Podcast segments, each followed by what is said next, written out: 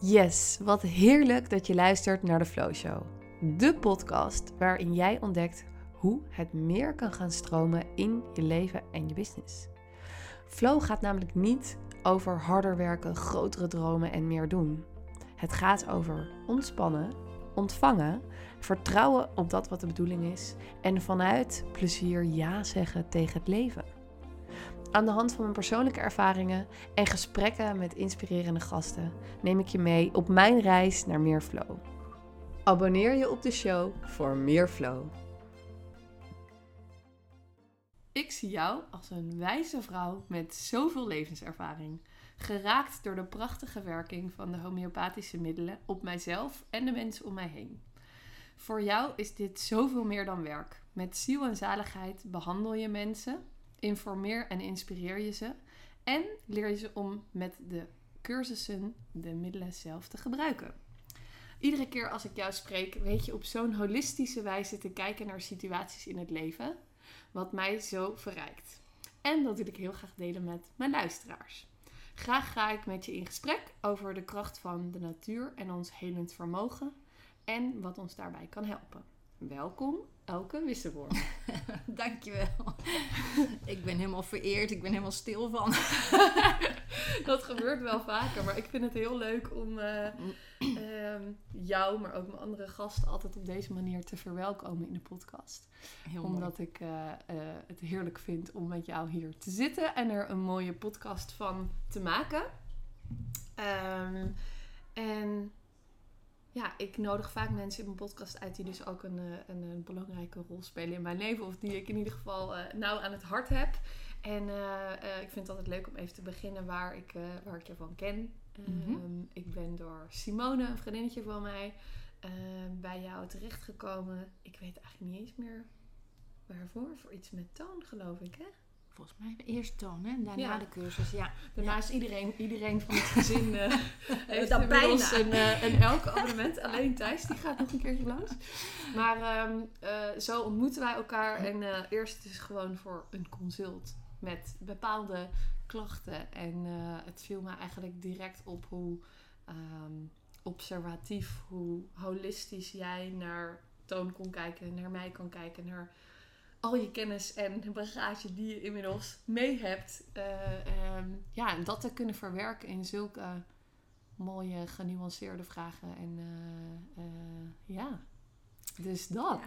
En toen ging ik bij jou de EHBO-cursus volgen, want jij hebt een hele toffe cursus ontwikkeld om homeopathische middelen ook zelf te kunnen gebruiken bij EHBO-klachten. Situaties. Ja, situaties. Ja.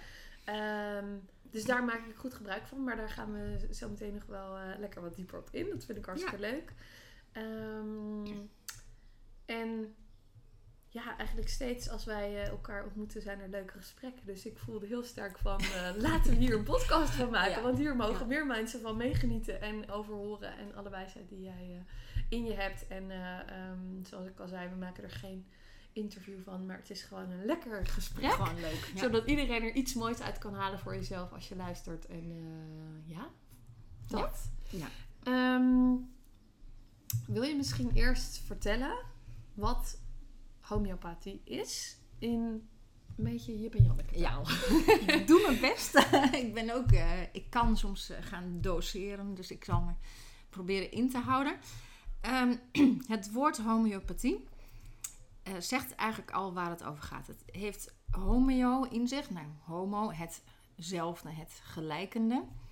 En pathos komt uit het Grieks, is uh, ziekte of het lijden. Je geneest feitelijk met iets wat in de ruwe vorm een bepaalde kwaal of klachten kan opwekken. Ik zal even een uh, Jip en Janneke voorbeeld, geven. Ja, ja. Um, nou, ik denk dat iedereen wel uh, de koffie kent. Hè, koffie drink je om wakker te worden. Het geeft je een soort adrenalinestoot. Eh, je wordt er helder van, alert. Um, dus dat is de, de gewone koffie. Hè, dus de uitgangsstof koffie. Als je te alert bent en te wakker, kun je niet in slaap komen. Hè? Dus dan heb je bijvoorbeeld slapeloosheid als klacht. Nou, wij uh, homeopaten, klassieke homeopaten, gebruiken bijvoorbeeld koffie als homeopathisch middel om slapeloosheid te behandelen. Ja. Dus je gebruikt dat middel om precies datgene eh, te verhelpen wat het in de normale vorm kan veroorzaken. En eh, er is eh, hè, misschien nog wat te doen over de chemische substantie. Dus wat, hè, wat is nou echt een homeopathisch middel? Mhm. Ehm, je gebruikt een beginsubstantie, dus beginstofje, zoals net als die koffie. Die ga je uh, heel erg verdunnen. Mhm. En bij iedere verdunningsstap wordt er geschud. Nou, is dat voortgekomen uit uh, dat degene die dat uh, hè, allemaal ontdekt heeft, ehm, meneer Haneman, dat die zag van hé, hey, als ik een middel in. Hij woonde bijvoorbeeld in Keuten, als, in Duitsland. Als ik een middel in keuten inzet, dan werkt het op een bepaalde manier. Dus dan hoeft het niet ver getransporteerd te worden. En in die tijd hadden ze nog geen Mercedesen, maar gewoon koetsen over hobbelige weggetjes. Dus ook geen autobanen, snelwegen. Um, dus hoe meer. Hoe, en hij merkte, ja, maar als ik ermee naar Dresden ga, het is verder weg, dan werkt het middel sterker. Ja, ik vind dit echt. Dat is waar, nou, dat geeft aan dat dus Haneman echt een wetenschapper was. Mhm. Ja, want hij kon waanzinnig goed observeren. Dus hij was heel nauwgezet als arts, apotheker, vertaler. Nou, echt een, een mm tamelijk getalenteerd persoon in de 18e eeuw. En hij observeerde dat dus. En daardoor is dus dat schudden erin gekomen. Want dat is feitelijk wat die koets dus over die hobbelige wegen deed. ja. Hè? En tegenwoordig ehm, zijn de onderzoekstechnieken zo verfijnd dat wij kunnen achterhalen wat schudden doet met een stofje. Mhm. Dus dat, dat vind ik heel erg leuk om uit te leggen, maar ga ik hier niet doen. Want dat, dan, als je daar meer over wilt weten, dan heb ik daar een scriptie over geschreven. over de scheikundige en natuurkundige verklaring van hoe kan nou zo'n middel, ja, hoe kan dat überhaupt nog iets doen? Ik ben ook milieuingenieur, dat is heel erg beta. Dus ik dacht, ja, ik ga dit wel studeren, maar ik wil weten hoe het werkt. Dus uh, ja, daar ben ik dan ingedoken en dat is ook, ook tegelijk wel iets wat ik denk, um, eigenlijk is het heel goed te verklaren hoe ook homeopathie kan werken. Ja. Omdat je gebruik maakt van een, de, de, eigenlijk de secundaire, de tweede werking mhm. in jouw lichaam. Mhm. dus als je maagzuur hebt, als ik te lang doordraaf, moet je het zeggen. Ja, ja, ja nee, is goed. um, maagzuur van de huisarts krijg je dan een maagzuurremmer. Ja. Ja, dus je hebt zeg maar een plus van te veel zuur met een min. Hè, een soort basismiddel. Een zuur en basis, dus plus en min wordt nul. Mhm. Nou, op korte termijn kan dat soms nodig zijn om zo'n soort middel te geven. Hè, uh, dat is niet per definitie slecht of verkeerd, maar gewoon zo werkt het dan. Ja, Het ene, het middel uh, neemt eigenlijk de regie over. Ja. Hè, het reguliere huisartsen, de maagzuurremmer. Maar de reden waarom je maag te veel maagzuur aanmaakt, wordt daarmee niet nee, genezen. Dus het is meer symptoombestrijding. Ja. Bestrijding, ja. ja. Symptoombehandeling. Eigenlijk wel. In plaats van naar de kern, naar de oorsprong. Ja. ja. En nogmaals, dat kan soms nodig zijn. Mm Alleen wat je dus met homeopathie wilt doen, is op die oorzaak behandelen. Ja. En op dus het zelfgenezend vermogen van het lichaam. Want nee, er is ergens een manier gekomen in jouw lijf die denkt: ja, er is een onbalans in mijn mhm. systeem. En dat uit ik door te veel maagzuur te maken. Ja. Dan is dat op dat moment de minst schadelijke uiting mhm. om aan te geven: hé, hey, er is hier iets niet helemaal in de haak. Ja. dus eigenlijk op je, met de auto, iedereen heeft misschien wel eens in de auto gezeten. Nou, dan heb je, als er wat mis is, dan zie je een rood lampje. Ja. dus dan, dan kun je ermee door blijven rijden. Ja. Maar ja, Ehm, het gaat natuurlijk niet zomaar weg. Dus je kunt er tegenaan slaan. Ja, dan is het lampje kapot, zie je hem ook niet meer. Hè? Of, eh, dus wat wij proberen om met een passend homeopathisch middel... en dan krijgt de ene persoon met maagzuur krijgt een ander homeopathisch geneesmiddel dan een andere. Ja, want hoeveel middelen zijn er ook alweer? Dat heb je me wel eens verteld. Nou ja, eh, schattingen zijn 15.000, maar er komen er iedere dag meer bij. Ja, mooi. Ja. Dus je probeert naar het individu te kijken en dan die, het systeem te helpen, zodat hij het niet meer nodig heeft om maagzuur te aan te maken. Dus bij wijze van spreken gooi je nog een beetje meer maagzuur erbovenop, zodat jouw eigen maag denkt van ja hallo, Dit wil ik niet. het, ik wil helemaal geen. Ik, ik, Nee. ik- wat moest ik ook weer doen? Oh ja, ik moet weer gewoon de normale hoeveelheid maagzuur maken. Ja. Hè, dus je overruled eigenlijk met informatie Ja, mooi. de huidige ziekte. Ja, Dus homeopathie is informatiegeneeskunde. mooi. Je geneest met de informatie van een stof, niet met de stof zelf. Dat is eigenlijk heel grof, heel materieel, zeg maar. Mhm. En dit gaat, ik vergelijk het ook wel eens met eh, dat je, je kunt een heel symfonisch orkest hebben. Nou, er zijn misschien, weet ik het, eh, 200 eh, muzici. Ja, Die maken een fantastische eh, eh, hè, een, een opera of een, een Mhm. stuk. Dat wordt op een cd opgenomen. Dus de cd bevat de informatie van dat hele orkest. ja. Dus ik hoef niet het hele orkest hier in mijn kamer te hebben om toch die muziek te kunnen luisteren. Oh ja, mooi. Ja. Ja, dus ik heb die informatie van dat orkest, van dat Mhm. muziekstuk op die cd. Die cd zelf doet niks. Ja, een middel zelf doet niks. Nee. Dus je hebt een cd-speler nodig. En nou heb je misschien, ik, ik- ja, het is niet helemaal technisch verantwoord, maar ik zeg even, je hebt een Japanse cd-speler en een Amerikaanse cd. Even. Ja. En die, die matchen niet. Hè? Dus je moet een passende, het moet bij je passen. Mm. Maar je kunt ook nog hebben, ja, als jij heavy metal leuk vindt en ik doe er een klassieke cd in, dan matcht dat ook Ook niet. Ja, ja, mooi. Hè, dus zo Ja. zoeken we naar iets wat past bij iemand en wat dus letterlijk de juiste snaar raakt om zelf in actie te komen. Ja, mooi. Hè, dus dat is ook echt waarom ik hier heel enthousiast over ben. Ja, Omdat dat, dat hoor ik. dat ik denk van het, Ja. het, het is... ehm, Ja. het is een vorm van eh, autonomie. Mhm. Want niet een middel van eh, de huisarts of een specialist neemt de regie over van jou. Nee, jij houdt de regie in handen. Ja. Ja, mooi. En het middel geeft je daar de informatie voor. ja. Hè, eigenlijk een soort zetje. Ja, en hoe, ehm, want dit is een mooie, mooie intro van ja, hoe het een beetje in elkaar steekt, hoe het werkt. Maar hoe ben jij hier zo gepassioneerd over geraakt? Waar, wanneer kwam dit op je pad en wat gebeurde er toen? Oh, that was a long time story. Ehm, Ja, ja, als je er niet helemaal in hoeft te wil duiken, hoeft dat ook eh, niet. ik ben van huis uit altijd met kruiden opgevoed. Mhm. Hè, mijn opa gebruikte ja, kamille of, of eh, pepermunt. eh, eh, dus een beetje een soort de huismiddelen. Huistuin en keuken, Ja, kruiden. ehm, dus daar was al een interesse sowieso in de natuur. Mhm. Een ongelooflijk natuurliefhebber. Ehm, dus ook de kracht van de natuur om mensen te genezen. Nou, dat, dat was ook iets wat mijn opa altijd Ja, mooi. zijn.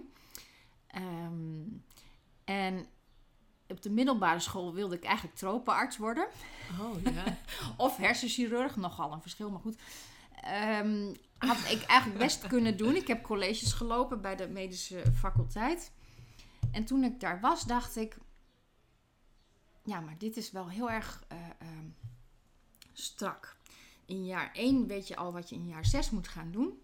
Je moet alleen maar rijtjes opdreunen over hoe het menselijk lichaam in elkaar zit. En, en bij vak X Mm. moet je bij dezelfde klacht moet je zeggen, we gaan opereren. En bij een ander vak moet je zeggen, ik geef geneesmiddel dat. Dus ik vond het heel erg beperkt, een beperkte visie Ja. op de mens.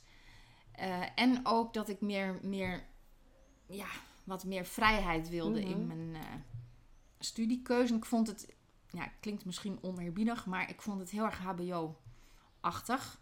Omdat het niet prikkelde tot zelfkritisch nadenken. Ehm, dus toen ben ik in Wageningen gaan studeren. Dus toen, ik, toen ik die colleges volgde, studeerde ik al in Wageningen milieu en gezondheid. Milieuhygiëne. En Ehm, toen kwam ik via een vriendin, eigenlijk mijn beste vriendin, Christy Duivelaar. Nou, als je dit hoort, Christy. uh, kwam ik in aanraking met de homeopathie. En uh, dat fascineerde me meteen al. Eigenlijk wilde ik het toen al studeren. Mm Dat kon ik helaas niet uh, betalen. En dat was ook in praktische zin niet helemaal mogelijk. Dus ik ben in Wageningen afgestudeerd op um, ja, eigenlijk milieu en gezondheid, met luchthygiëne, vrouwen en gezondheid, vrouwenstudies gedaan en twee afstudeervakken met deze dierbare vriendin Mooi. over de homeopathie. Dus we hebben samen scripties geschreven over de homeopathie uh, in Nederland, de geschiedenis van de homeopathie in Nederland. En uh, over de wet BIG, dus dat is de uh, beroepsuitoefening ja, ja. individuele geneeswijze. Nou goed. Mm -hmm. uh, en dan de plaats van de homeopathie daarin.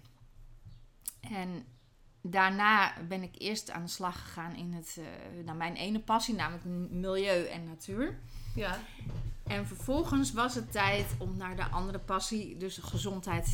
Dus aan de ene kant gezondheid van de aarde en aan de andere kant gezondheid van de mens. Ja, en hier komt het eigenlijk allebei in samen. De natuur ja, want inderdaad, homeopathie is ook een hele duurzame geneeswijze. Dat is ja, ook maar ook zo alles uit de natuur, toch? De middelen of het meest... Uh, dat is eigenlijk een, een kleine misvatting, omdat we ook um, middelen kunnen maken van stoffen die ons schade toebrengen, bijvoorbeeld. Oh. Ja, ja. dus even, ik noem eens even iets, bijvoorbeeld van drugs. Mm -hmm. hè, uh, of van um, reguliere medicatie. Hè, dus als iemand zegt, ik heb een, ik heb een operatie ja, moeten ondergaan, ik noem maar wat. En daarna ben ik nooit meer, uh, heb ik me nooit meer goed kunnen concentreren. Ik ja. Dan kunnen we die stoffen die in de narcose zitten, kunnen we ook homeopathisch verdunnen en uh, bereiden. Waarmee je die um, externe stoffen die dus een schade hebben berokkend, eigenlijk weer uit je systeem hmm. krijgt. Mooi. Ja, dus je kunt bij wijze van spreken, hebben we, nou ja, ik zeg het van Coca-Cola, hebben we een middel gemaakt. Ja. Dus dat doet er eigenlijk niet toe. Ja. We hebben stoffen van planten, dieren, mineralen, dus dat zijn de, bijvoorbeeld hè, keukenzout, ja, ja, ja. ik noem maar wat, of metalen. Um, maar dus ook van, um, wat ik zelf hele mooie middelen vind, zijn uh, middelen gemaakt van bijvoorbeeld moedermelk, de placenta, oh, de navelstreng, uh, het vruchtwater, dat, dat smeer wat baby's op zich hebben als ze net geboren ja. zijn, vernix, caseosa. Ja. Um, de, de, de maternals noemen we dat. Mooi, ja. Ja, dat zijn echt prachtige middelen voor de mensheid. Echt, ja. Dus mensen met diepe uh, identiteitsproblemen, ja. uh, diepe uh, psychische pathologie of, of zingevingsvraagstukken of het idee van ik ben nooit echt geland hier. Hm. Dat soort dingen kunnen we daarmee behandelen. Mooi, ja. Ja. Zodoende heb ik jou ook een paar van mijn placenta, placenta capsules gegeven. Ja. Ik heb uh, na de geboorte van Toon besloten die te laten capsuleren. En toen jij hierover vertelde, dacht ik, oh, dan wil ik er wel een paar aan je geven. Want ik heb er heel, heel veel. ja, waar ik ook hopelijk ja. zelf met mijn gezin gebruik van ga maken als Ja. dat nodig is. En dat doen we heel af en toe. Maar ja, heel mooi om daar ook zoiets in door te geven. Um, ja, dit was een, voor mij een beetje de, de introductie. Uh, het stuk, ik denk dat iedereen nu wel een beetje zo'n beeld heeft. En ik vind het verder gewoon heel leuk om ook... Um, ja, enerzijds voel ik bij jou, en dat ook in je hele verhaal, dat vind ik zo tof. Daar zit zoveel passie om het ook um, te verbinden met de wetenschap. Hetgeen wat we weten. En... Um, uh, vaak ben ik en ook mijn klanten en waarschijnlijk ook mijn luisteraars zijn meer van het, het niet weten. We mogen het gewoon voelen, ervaren, het leven. Um, um, maar ik vind het bij jou heel passend ook in een vorm van gezondheidszorg, noem ik het even. Of mm -hmm. dat dat bestaat naast naast uh, uh, de reguliere gezondheidszorg. Daar hadden we het net al even over voordat de microfoon aanstond. maar wat jij heel terecht zei van als we homeopathie alternatief blijven noemen, dan blijft het ook alternatief. Mm -hmm, en mm -hmm. jouw wens, wat je net zei, nou je mag het zelf ook uh, even toelichten. De wens om dat naast elkaar meer in ja, te integreren. In, te integreren. Mooier woord. In elkaar, wou ik zeggen. Nee, maar, maar ik- te integreren, ja. Ja. ja. Ja, dat is het gebaar Ja. wat jij maakte is natuurlijk ook letterlijk dat in je in elkaar. vouwt. Hè? ja. En wat ik ook, ehm, ja, dat heb je waarschijnlijk al gehoord in de, wat ik net al zei, maar ik ben dus absoluut een voorstander van samenwerking. En het gebruik maken van elkaars kennis en kunde en ervaring Mhm. en sterke punten. Nou, de reguliere geneeskunde is wat mij betreft heel erg sterk en goed ontwikkeld eh, aan de diagnostische kant. Dus om diagnoses te kunnen stellen, onderzoeken te kunnen doen. Mhm. Ehm, ja, foto's maken, laboratoriumonderzoek, al dat soort dingen. Ehm, de farmacologische kant, de kant van de geneesmiddelen, daar heb ik soms moeite mee, omdat het soort one size fits all. Ja. Dat is En- natuurlijk waarschijnlijk ook naar boven gekomen in je vrouwen, vrouwenstudies. eh, eh, Ja, ook. Dat ook. dat was toen nog niet eens zo heel Ja. erg bekend. Maar eh, inderdaad, het geneesmiddelproeven werden heel lang alleen maar mannen. op mannen uitgevoerd. En dan ook nog jonge, gezonde mannen.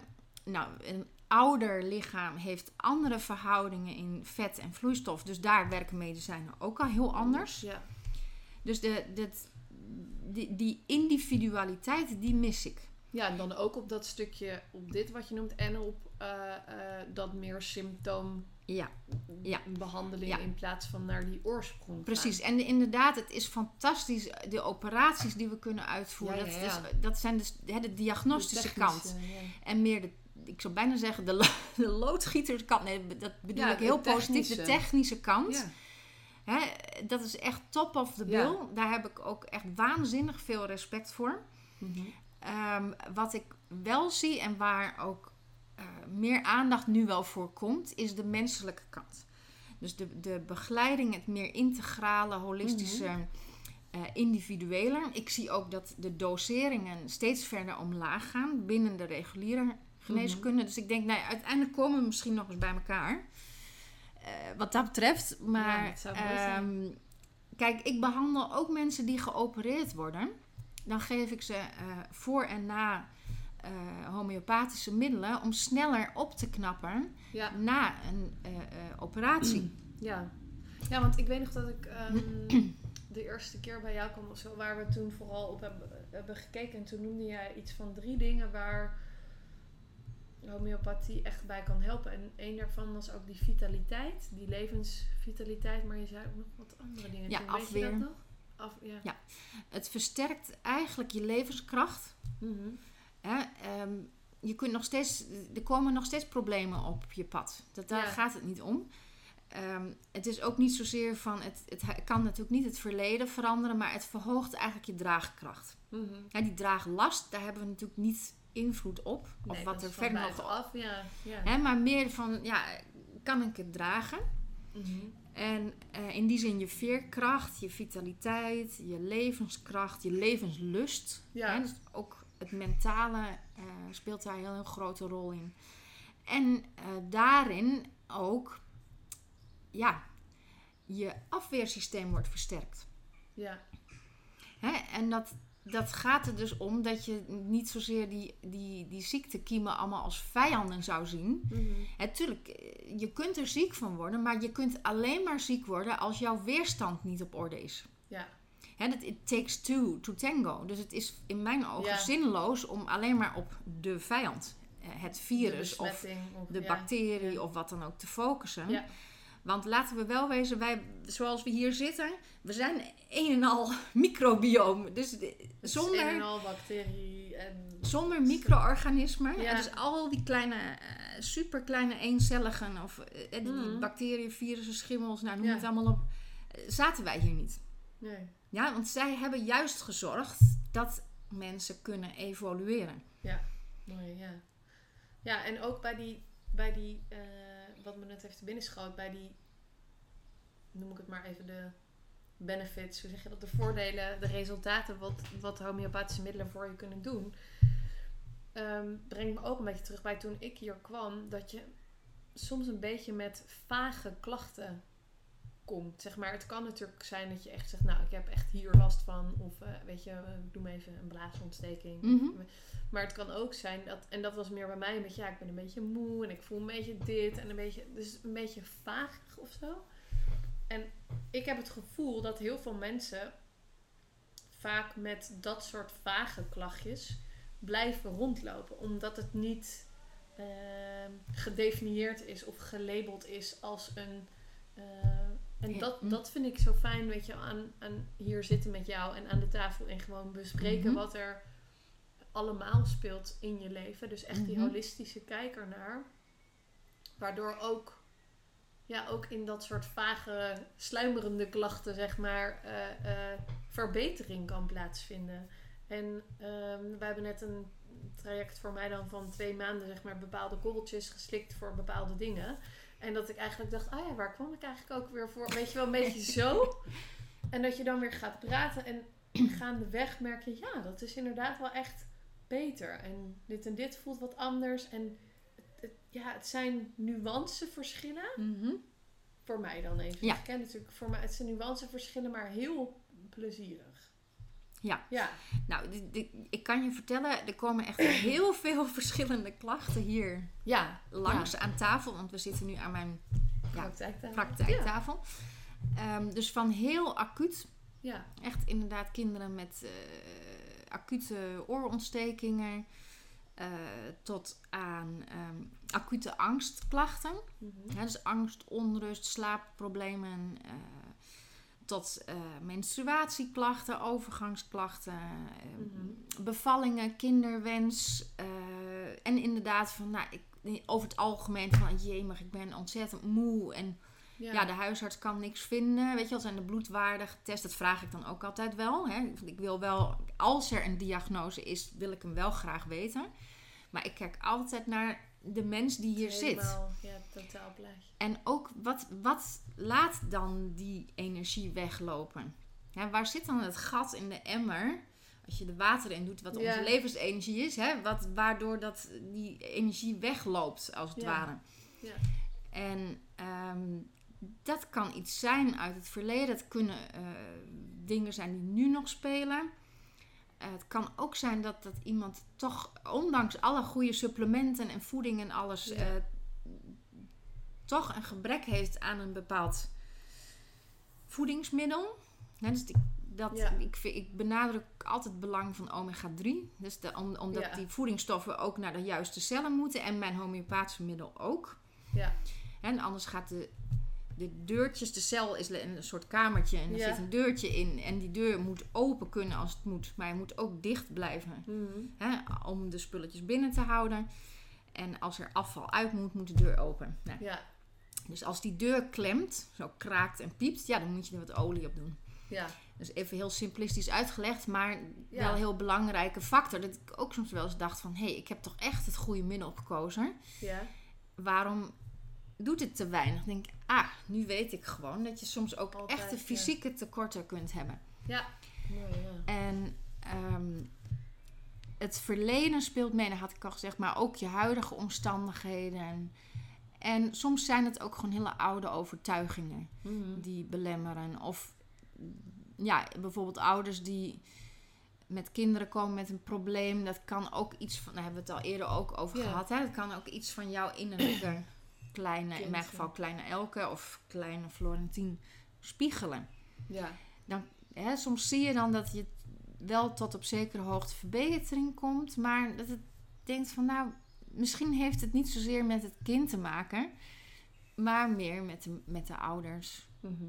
En op een niveau wat je nog niet wist. Dus dan Ja. probeer ik dat te spiegelen. Dat is, dat is dan mijn nieuwe Je nieuwe passie erbij. passie erbij om Ja. de homeopathie nog beter te kunnen eh, inzetten. Ja, Kindertolk. eh, Ja. ben ik in opleiding. En, Ja. ja. ja, dat, om dat er ook in te kunnen verweven. Ja. Ja. dus dat, dat is, ja. Dus die, die hele mens te zien Ja.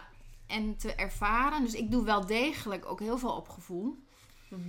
Eh, maar ik vind het ook prettig dat ik weet hoe dingen werken. En ik probeer inderdaad ook een soort brug te slaan met mijn beta-achtergrond om ook die wetenschappelijkheid erin te brengen. Ja. Dus ik vertaal ook af en toe uh, wetenschappelijke artikelen die over homeopathie gaan. Dan werk ik ook samen met een hele dierbare collega Fleur Kortekaas. Ik geef ik soms les.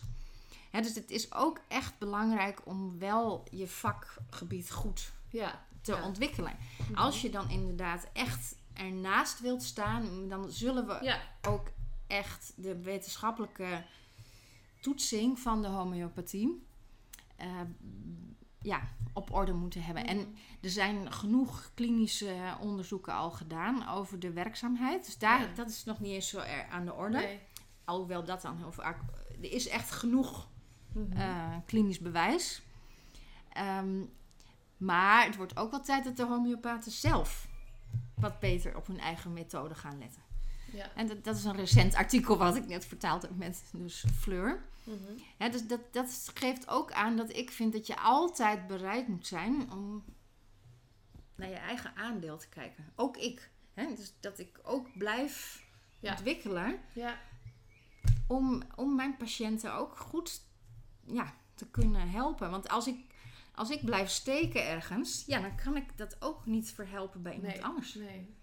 Nee, ja, dat merk ik ook in mijn eigen coaching natuurlijk. Als je, ja, als je weer zelf iets ontwikkelt of nieuwe ervaringen opdoet, dan voeg je dat ook weer toe aan je toolbox. Om Ja, zo maar ja, te ja. zeggen. Ja, Ja. En, en, en ja, kan je iemand weer op een ehm, nog diepere laag helpen of op een, ja, Ja, op een meer zuivere manier, waar we het net ook al even hadden van ehm, het blijft ook nog, minder, nog, minder aan, ja, nog minder aannames of zo die je dan doet, maar nog meer open. Ja. open, nog meer de observant kunnen zijn. In plaats van, ja, als je je eigen eh, innerlijke kindstukken aankijkt, dan hoef je die niet meer eh, gespiegeld te krijgen, bij Ja. wijze van spreken, in je klanten. Of om het zo maar even, ja. En ook ik heb ja, mijn blinde vlekken en daar heb ik ook anderen ja. voor nodig.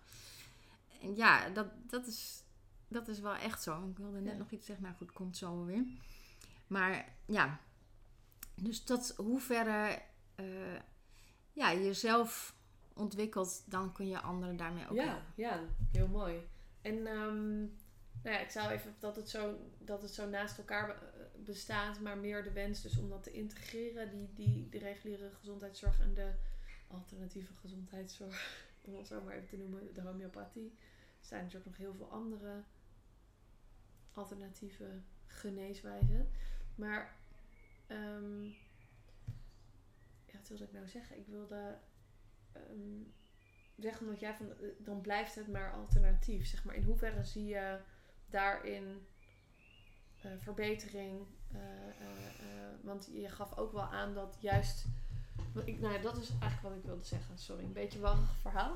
Wat ik eigenlijk wilde vragen: van in hoeverre zeg maar, zijn ook de, de, de artsen in de reguliere gezondheidszorg of, of gewoon andere mensen, misschien op straat ook wel gewoon, maar ehm, de vooroordelen die er nog zijn over homeopathie. Dus wat krijg je terug van mensen waarom het misschien nog vaag is of, of spannend is of eh, anders is, alternatief is. Weet je wel? Want Ja, kijk, als je naar jouw praktijk kijkt, iedereen, of iedereen, misschien eh 99% loopt hier tevreden weg. Dus nou, eh, hoop ik wel. ja, nou ja, Het- ik, nou, ik ken ik- alleen maar eh, Ja. successtories hiervan. Dus eh, Nee, maar ook Dan- ik kan niet iedereen helpen. Hè? nee, nee, dat Maar- is waar, ja. natuurlijk. Maar de, dat is, dat is een gegeven, inherent. dat kan ik ook niet. Nee, niet klopt. Weet je, want daar hadden we het net ook al over. Iemand moet ook geholpen willen worden en bereid zijn om Ja. Ja, hetgeen te ondergaan of te kunnen ontvangen wat, Ja. Ja, ja, wat ja. gegeven of geboden wordt. Maar ja, die vooroordelen. Die- ja. Ik, ik begrijp wat je, ik begrijp denk ik eh, jouw vraag wel.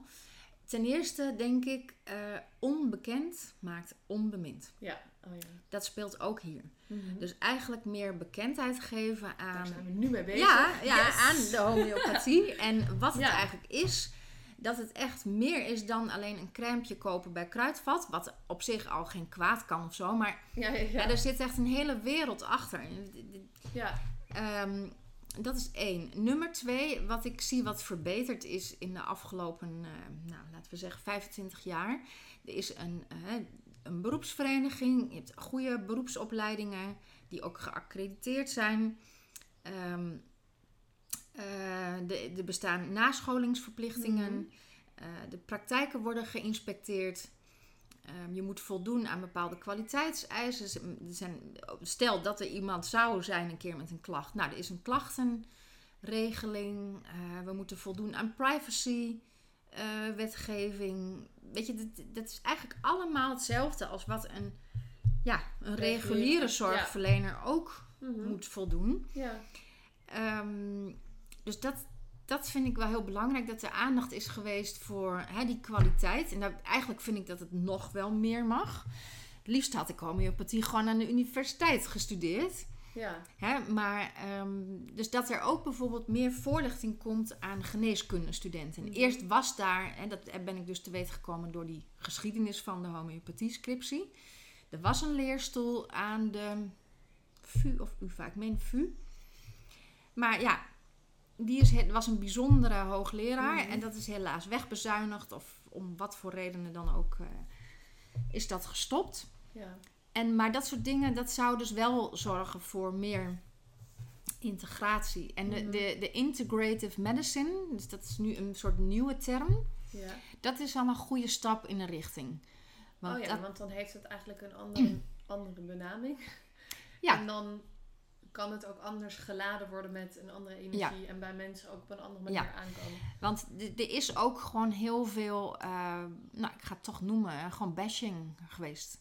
Echt, echt heel doelbewust onderuit halen van instituties binnen de homeopathie in Nederland. Die rechtszaken aan de broek kregen. En ook recent de Vereniging voor Homeopathie.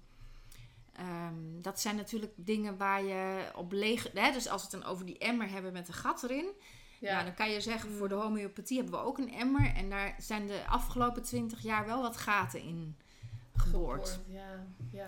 Dus dat moet ik wel eerlijk bekennen. In de jaren negentig waren er veel meer homeopaten. Ook hè, werd het nog veel breder gebruikt. Dus er is wel echt een... Ja, toch wel een anti-campagne geweest. Die je niet kan verlogenen. Kijk, ik blijf wel positief. Hè? Ik, ja, ja, ja, ja, Maar ik kan het niet verloochenen dat het geweest is en nog steeds aan de orde is. Ja. Dus eerst is gewoon eens op een hele nuchtere manier uitleggen. Mhm. Hoe werkt nou dit lichaam? Hoe gebruiken we de, nou een beetje een moeilijk woord, maar fysiologie hè, van het lichaam? Mhm. Dat betekent eigenlijk dat je die, die zelfgenezende kracht gewoon aanzet. Daar waar nodig gebruik je gewoon andere geneeswijzen. Ja. En stel de patiënt centraal. Mhm. Weet je wel? Niet een geneeswijze, nee, de mens. En de ene mens heeft baat bij acupunctuur. Ja. En de andere mens heeft baat bij um, massagetherapie. En de andere heeft baat bij homeopathie. Ja. En sommigen bij alle drie. Ja. Dus dat, nadat er eerst een scan is gemaakt dat er geen tumor is, ik noem maar wat.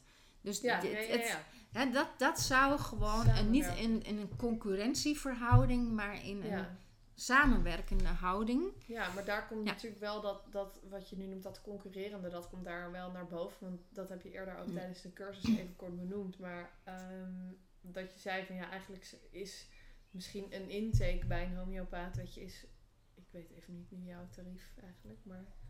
115? Ja, 115 euro. Oké, dat is dan niet van je van je zorg, uh, hoe heet het, zorgverzekering. Dus nee, niet. Dan moet je een alternatieve, moet je een aanvullende verzekering uh, afsluiten. Dus dat zal mensen misschien afschrikken om ja, het soms wel. Gebruik, om er gebruik van te maken. Maar vervolgens zei je eigenlijk dat de, de middelen die je gebruikt zijn heel goedkoop. Klopt. Dat de zaakje goedkoop, maar het is ja, daar, daar betaal je haast niks voor in vergelijking met medicatiegebruik of ehm, ja. Nou ja, en het is net als met milieu. Um, officieel zou het zo moeten zijn, de vervuiler betaalt. Mhm. Nou, dat is in, in de huidige maatschappij niet zo. Want bijvoorbeeld biologische producten zijn milieuvriendelijker, maar wel duurder. Dus dat klopt natuurlijk voor geen meter. Nee. Hè? Want eigenlijk zou je de vervuiling die door bijvoorbeeld intensieve veehouderij wordt veroorzaakt, ja en het leed in, in, in uh, ontwikkelingslanden, ja. Ja, uh, zou je een soort moeten verwerken in de prijs. Ja. Dan zou zo'n kilo knaller rundvlees, ik noem maar wat, uh, veel duurder zijn dan een stuk vlees bij de bioslager. Ja. Nou, dus je kunt eigenlijk dan zeggen, die schade, dus de, de, ik zou bijna zeggen collateral damage, ja, ja. die wordt niet doorberekend. Hè? Dus de echte kosten worden niet berekend. Nee. Het is eigenlijk hetzelfde met het gezondheidssysteem. Want kijk, dat je bij mij 115 euro moet betalen, komt omdat ik anders geen vergoeding voor jou krijg. Een huisarts krijgt gewoon een vergoeding voor iedere patiënt in zijn of haar praktijk. Ongeacht of die 20 keer langskomt of nul. Nou, is dat niet een waanzinnig groot bedrag, maar ehm, ik zit dus niet in het normale vergoedingenstelsel. dus ik moet wel een tarief vragen, want ik ben ondernemer. Ja, dat, nee, ja, ik snap je helemaal. Hè? Dus het, ik, uh, ik, moet ook huur betalen en de koffie en... Uh, nou, ja, dus nou ja, en gewoon je, je eten en, ik, drinken, Precies, ik moet er ook van uh, kunnen leven. Um, maar het, het, punt is, als ik alleen aan symptoombestrijding doe... Mm creëer je op termijn veel meer chronische ziekten. Dat is ook gewoon een bekend, bekende trend dat er steeds meer langdurige, chronische, slepende ziekten zijn. dus dat, dat, dat neemt gewoon ontzettend toe. Ja. En die drukken gewoon heel erg op de kosten van het gezondheidssysteem. Ja. Dus dat zijn niet meteen dat je zegt, ja, die, die, die maagzuurremmer, ik noem maar wat, uh, is dan heel duur of zo. Maar wel dat als je dat 20 jaar slikt en je krijgt een vitamine B12 gebrek en je moet dan nog weer nou ja, hè, Je, kunt niet je werk doen omdat je te moe bent en uh, noem maar wat. Mm. Ja, dan heb je dus als collateral damage een veel grotere schade. Alleen die wordt niet opgeteld. Die zit niet verwerkt in de prijs van het medicijn. Uh, medicijn. Ja. En het is ook al bekend dat huisartsen die ook complementair werken, dus met, met meerdere geneeswijzen in hun eh, ja, zeg maar, gereedschapskist hebben, dat die veel goedkoper ehm, eh, werken. Ja, is een ik, korenman of zo, ik, ik, zou het kunnen opzoeken. Ja, hè, die verwijzen, maar daar is onderzoek naar gedaan. Dus de kostenbaten, mm. dat is, die, die liggen gewoon veel beter. Ja. Dus het is eigenlijk ook gewoon heel goedkoop. Ja. ja kosteneffectief, niet goedkoop, dus het verkeerde woord. Nee, daarom zei ik ook goedkoop tussen ja. want het is, het is, het is echt kosteneffectief. Ja om integraal te werken. Ja, ja want je voorkomt een, een, lange termijn uh, Juist. aanpak ja. dan een korte termijn en een quick fix. Juist. Ik, ik zeg ook als mensen dat verwachten, dan moet je echt naar de, de, de kruidvat gaan en een rennie halen. Bij mij ga je genezen en dat kan soms ook wat langer duren. Ja. En dat vraagt, daar komen ook misschien nog andere dingen weer naar boven. Ja, want we hebben ook gewoon tijdens de afgelopen weken natuurlijk contact gehad over mijn, eh, over mijn traject. En ik heb bijvoorbeeld uh, ervoor gekozen om uh, in een periode waarin ik heel veel antibiotica heb geslikt voor blaasontsteking en schimmelinfecties, wat ik een periode een tijd had. Wat natuurlijk ook allemaal signalen zijn van het lichaam, maar daar had ik toen nog geen, geen weet van op, op het niveau dat ik daar nu wel weet van heb. Maar um, daar heb ik voor gekozen om dat in ieder geval met jou nu, nu te ontstoren. Die antibiotica die ik daar toen allemaal voor heb gekregen.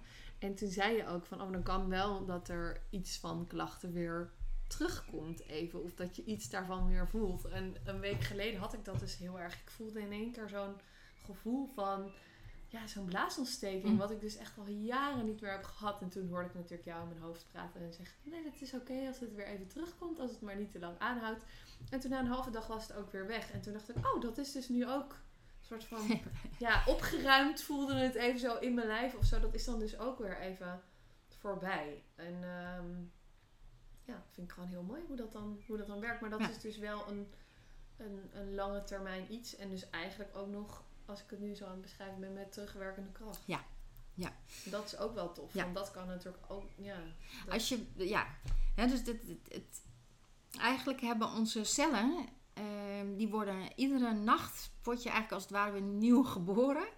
Want je vernieuwt jezelf continu. Mm dus ik ben even de getallen kwijt, maar er zijn heel leuke boeken over. Ehm, dat er echt tienduizenden miljoenen cellen worden gewoon iedere nacht vernieuwd. En bepaalde cellen over een bepaalde tijd. En huid duurt drie weken voordat het weer helemaal van onder naar boven is uh, ontwikkeld. Um, cellen hebben dus ook een geheugen, want ze onthouden dat jij Florentien bent en ik Elke. Ja. En ze onthouden dus ook alles wat je tot nu toe hebt meegemaakt. Ja. Dus het is niet misschien letterlijk dat daar nog restjes hè, van die antibiotica te vinden zijn. Dus daar hebben we meer. Het is dus niet de materie, maar de informatie. Mm. Dus om de informatie weer. Het is bijna als je in je computer een bug hebt. Ja. Wij zijn veel meer dan computer, maar even ter vergelijking. Wil je die ook ontbuggen? Ja, ja, ja. dus het gaat over die informatie eruit krijgen. En weer voorzien van de gezonde mm informatie. Dus ja, eigenlijk je deelde daar toen zo'n heel leuk voorbeeld over, over die stofzuiger. Die stofzuiger, Ik had al opgeschreven van, please, wil je die alsjeblieft delen? Want ik vond het zo, uh, ja, zo verhelderend en passend en ja, grappig ook wel. Hij, hij komt van een hoogleraar, uh, uh, god, wiens naam ik weer even kwijt ben, Wiegand, Fred Wiegand en nog een, aan de, die hebben op de Universiteit Utrecht gewerkt. Nou goed, bedankt voor jullie vergelijking, maar ik gebruik hem nu. Um, Kijk, je kan je voorstellen dat als je net geboren wordt, even hè, als, als metafoor, uh, zou je kunnen zeggen, zijn we een stofzuiger. Een hele mooie, komt helemaal uit de fabriek. Ja, helemaal netjes opgerold, glimmend enzovoort. Nou, nou gebeurt het wel eens, stel je valt op je knie en uh, bam. Nou, dan, dan kan je je voorstellen, je trekt dat snoer woep, in één keer eruit. Ja, dat is een acute klacht. Dus een, een EHBO-situatie. Ja. Nou, dan weet jij inmiddels wat je dan wat geeft. Hè? Ja, Arnica. Arnica. Ja. Ehm, dan door de levenskracht, die drukt gewoon op dat knopje, zodat het snoer weer woep, terugrolt. Hè, dus het, het is acuut en snel en hevig ontstaan. Het wordt wap eventjes uitgetrokken. Jij bent nog hartstikke gezond, dus je drukt zelf op het knopje en zoeps, rolt dat snoer weer terug. Maar het snoer rolt natuurlijk nooit meer zo terug als hoe die uit de fabriek kwam. Oftewel, hè? dus iedere ziekte, alles wat we meemaken, laat zijn sporen na. Ja. En wat homeopathie doet, kijk, natuurlijk kun je zelf genezen. Maar is eigenlijk zorgen dat het snoer zo netjes mogelijk weer oprolt. Dus dat je zo min mogelijk sporen nalaat van een acute of andere mhm. toestand. Goed, nou, we hadden het net over dat heel veel ziekten tegenwoordig uh, veel langer bestaan of veel langer sluimeren. Of, uh, nou, ja, ja, ja. even als voorbeeld de menstruatie. Nou, een meisje begint, uh, laten we zeggen, tussen haar elfde en zestiende, ik neem het even een beetje ruim, um, krijgt haar eerste menstruatie. Nou, dat kan al zijn dat, dat dat heel veel klachten geeft. Al vanaf het begin. De, de, hoofdpijn, misselijk, eh, buikpijn, uh, gewoon helemaal lamlendig, uh, stemmingswisselingen, weet ik veel wat. Nou, als jij straks, stel je komt bij mij en je bent 36 hè, of, of 35. Stel je had je eerste menstruatie op je 15 en je komt bij mij en je bent 35. Ja. Nou, dan heb je gewoon 20 jaar ellende, zeg ik even, ja. heb je al gehad.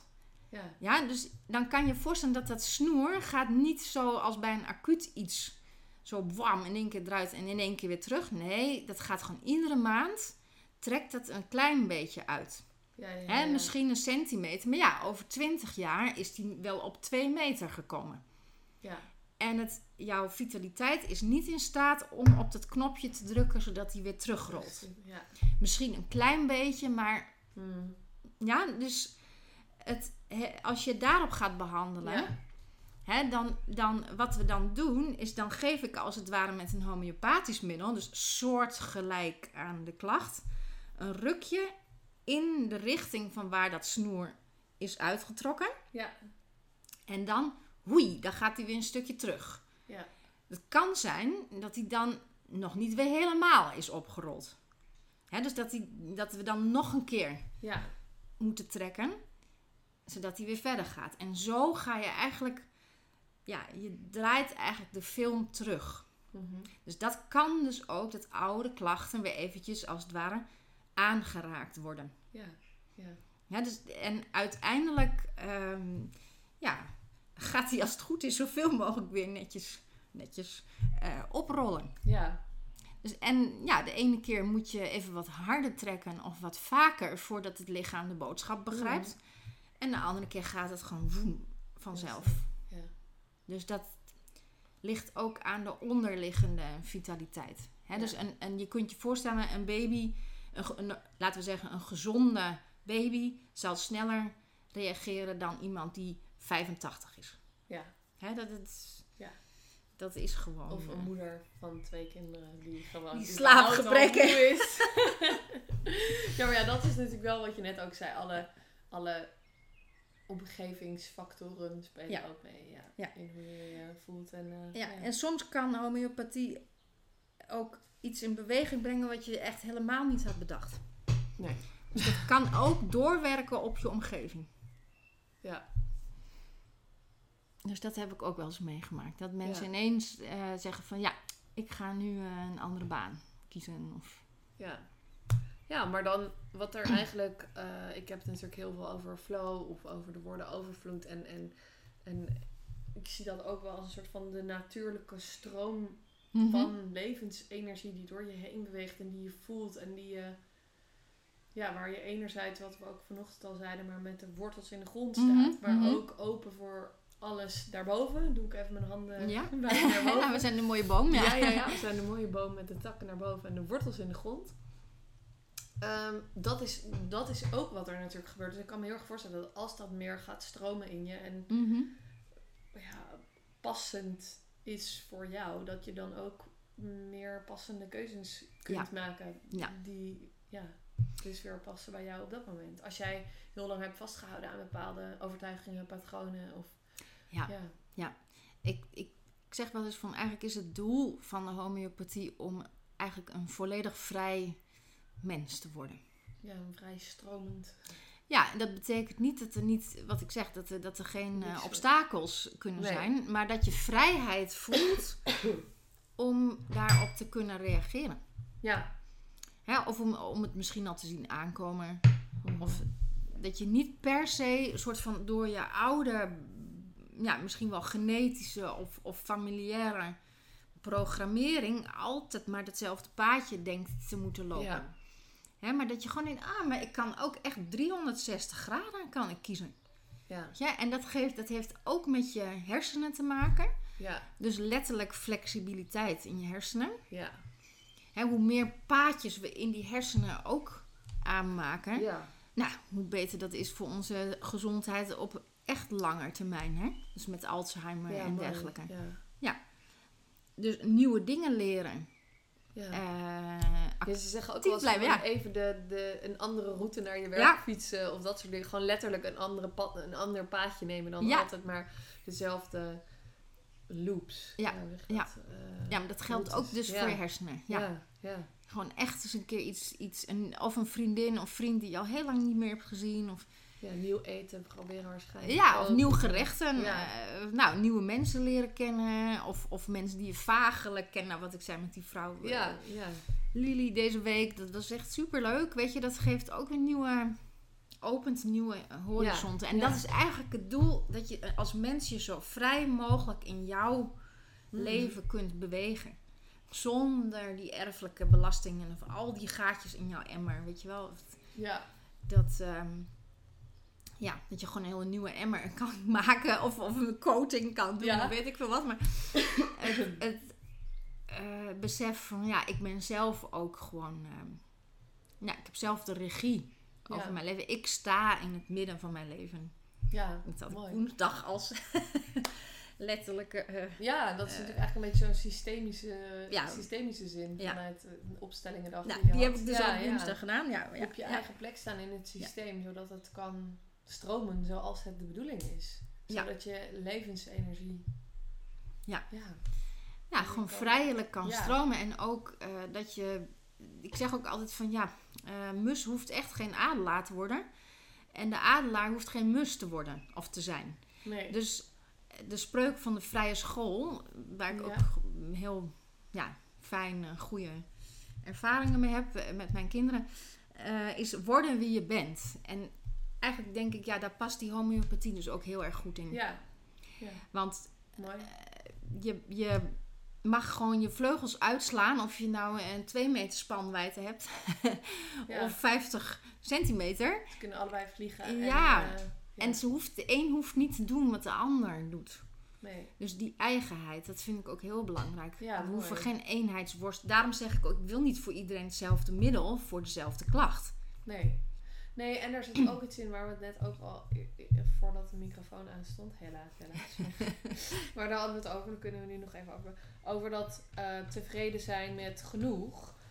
Um, want dat is een thema wat bij mij ja, geregeld naar boven komt. Het goed genoeg zijn. Maar jij zei dat dat ook een van de vijf thema's is die vaak voorkomt, toch? Hoe zei je het? Ja, in, binnen de kindertolkopleiding uh, lezen we een boek en dat heet De Vijf Kindconclusies. Oh ja, dat is het. En um, één daarvan, een hele belangrijke, een van de eerste twee, is he, ik ben niet genoeg. Er is niet genoeg. Mm. Um, ik ben niet goed genoeg. Allemaal dat soort overtuigingen. Ja. En dat kan dus echt letterlijk voortkomen uit het feit dat je als klein baby met babybewustzijn, Ja. dus niet met volwassenen bewustzijn, uh, dat je toen bijvoorbeeld honger had, of het koud had, of slaap, of juist iets anders nodig had. En dat je vader of moeder net eventjes, uh, ja, ik noem eens even iets, op de wc zit of zo, iets heel normaals. Ja. Uh, maar dan ja, komt hij dus een minuut later. En voor een baby is die minuut een soort van eeuwigheid, want die hebben geen tijdsbewustzijn, Besef, geen, ja, geen ja. tijdsbesef. En dan kun je wel eens denken, als dat een paar keer gebeurt of vaker, of echt ook wat meer op structurele basis, uh, ongewild, hè, dus zonder Ja. uh, dat je denkt, ja, uh, ik kan nu wel hier huilen, maar ja, er komt niemand. Dus ehm, ik, ik krijg niet dat wat ik nodig heb. Ja. Dus ik krijg niet genoeg. Dat, ja. Dus dan trek je eigenlijk de verkeerde kindconclusie. Mhm. Er is niet genoeg voor mij. Uh, die nog je leven lang kan doorspelen. Ja. En dat kan ook zijn van ik weet niet genoeg. Hè, dus ik moet maar blijven opleidingen doen. En Mhm. uh, maar blijven coach dit. En nou, ik, ik wil even niks te naden. Hè, maar even, Ja, jij ja, jouw vak. Maar even je, vanuit een, een bewustzijn van niet genoeg hebben of krijgen. Ja. Of, Nee, maar dat is wel wat ik net ook Ja. al met je deelde. Van de, de, uh, ik herken het zelf, dus het patroon. En dat, dat zeg ik ook vaak tegen mijn klanten. Je trekt ook klanten aan die hetzelfde patroon aan het doorleven zijn. En Ja. dat is niet voor niks, want dan kan jij er ook weer in juist. leren, in groeien. En je krijgt het gespiegeld. Of je dat nou met je kinderen Ja. hebt of met je klanten. Je hebt daar iets in um, te leren. En dat doen ze natuurlijk niet met be- bedachte raden of met bewustzijn. Maar dat gebeurt gewoon Onbewust. in de samenkomst. Ja. In het samenkomen. En ik vind dat juist heel mooi als je er op die manier naar kan kijken. Maar, um, dus het thema van niet goed genoeg zijn en, en, en dat tevreden zijn met genoeg is gewoon een thema waar ik heel veel met klanten op werk. En dat zijn Ja. dus inderdaad vaak mensen die al heel veel hebben gedaan in persoonlijke ontwikkeling, business coaching, uh, noem maar op. Dat blijven zoeken of zo. Mhm. Dat ook ergens heel leuk vinden. Mhm. Dus, want dat is Ja. er ook. Nou, precies, daar, daar, Ja, daar kom ik dus eigenlijk naartoe. Want het, het, eigenlijk zijn die kindconclusies, als je ze eh, leert erkennen en daar ook dankjewel aan kan zeggen. Want Ja. dat, dat staat ook in het boek heel mooi. Ja, Van erken die kindconclusie en keer hem om. ja, Want door dan te zeggen van nou dankjewel uh, niet genoeg. Want het heeft gemaakt dat ik echt goed heb gestudeerd en hard werk en Mm. zo. En dat ik streef naar gewoon echt dingen goed te doen. En nu mag ik hem omkeren en ook mijn licht laten stralen. Ja. Zoiets. Hè? En, en dan, dan blijven dat hele uh, inspirerende, vernieuwende uh, mensen. Mhm. Omdat dan die goed genoeg wordt niet uh, vanuit een gebrek een zoeken naar ja. uh, nog weer een cursus zus of een coaching zo of een Ja, ja, ja. therapeut dit of dat. Maar vanuit een, um, ja, een, een, een meer rijkdomgevoel. ja. ja. Van, van uh, ik, ik mag nog ontwikkelen en ik ben al goed zoals ik ben. ja. Zo, en dan keer je hem om. Er staan hele mooie, dus er staat echt zo'n soort uh, to-do-list in, dat, in die boeken. hoe je die vijf dan echt kan omkeren. Maar feitelijk gaat het erom dat je de conclusie bedankt en hem mhm. in een kwaliteit omzet. Want wat ik zeg, deze mensen zijn wel degene die gaan voor uh, verbetering van methoden, vernieuwing, uh, ja, uh, creatievelingen, eh, die echt ook wat te brengen hebben. Nou ja, dat voel ik heel sterk bij mijn, bij mijn klanten ook. Juist die zoveel te brengen hebben, maar Precies. nog belemmerd worden op een stukje van het niet goed genoeg voelen om het ook daadwerkelijk de wereld in te brengen of daadwerkelijk neer te zetten. Of de eerstvolgende stap te nemen die gewoon spannend voelt. En dan is dat eigenlijk zo'n belemmerende overtuiging. Die, dat is eigenlijk gewoon ja, zonde, zeg ik. Ja. Ja, weet dat is het. En, en um, ook daarin, ja, ik heb er zelf ook eindeloos veel uh, in gezocht en gedaan. En ik voel nu wel steeds meer dat ik daarin ben, ja, geland, aan het landen ben. Ja. ja. En dus daarin liefdevol voor jezelf zorgen. Ja. En geven wat je echt nodig hebt. Ja. Nu dan vanuit het volwassen bewustzijn kun je dat aan jezelf ook geven. Ja. ja. Uh, daar dat zit, blijft ook een leerschool. Dat, dat blijft... Dus we hebben, dat kunnen jullie nu niet zien, maar we hebben hier van die matrushka poppetjes.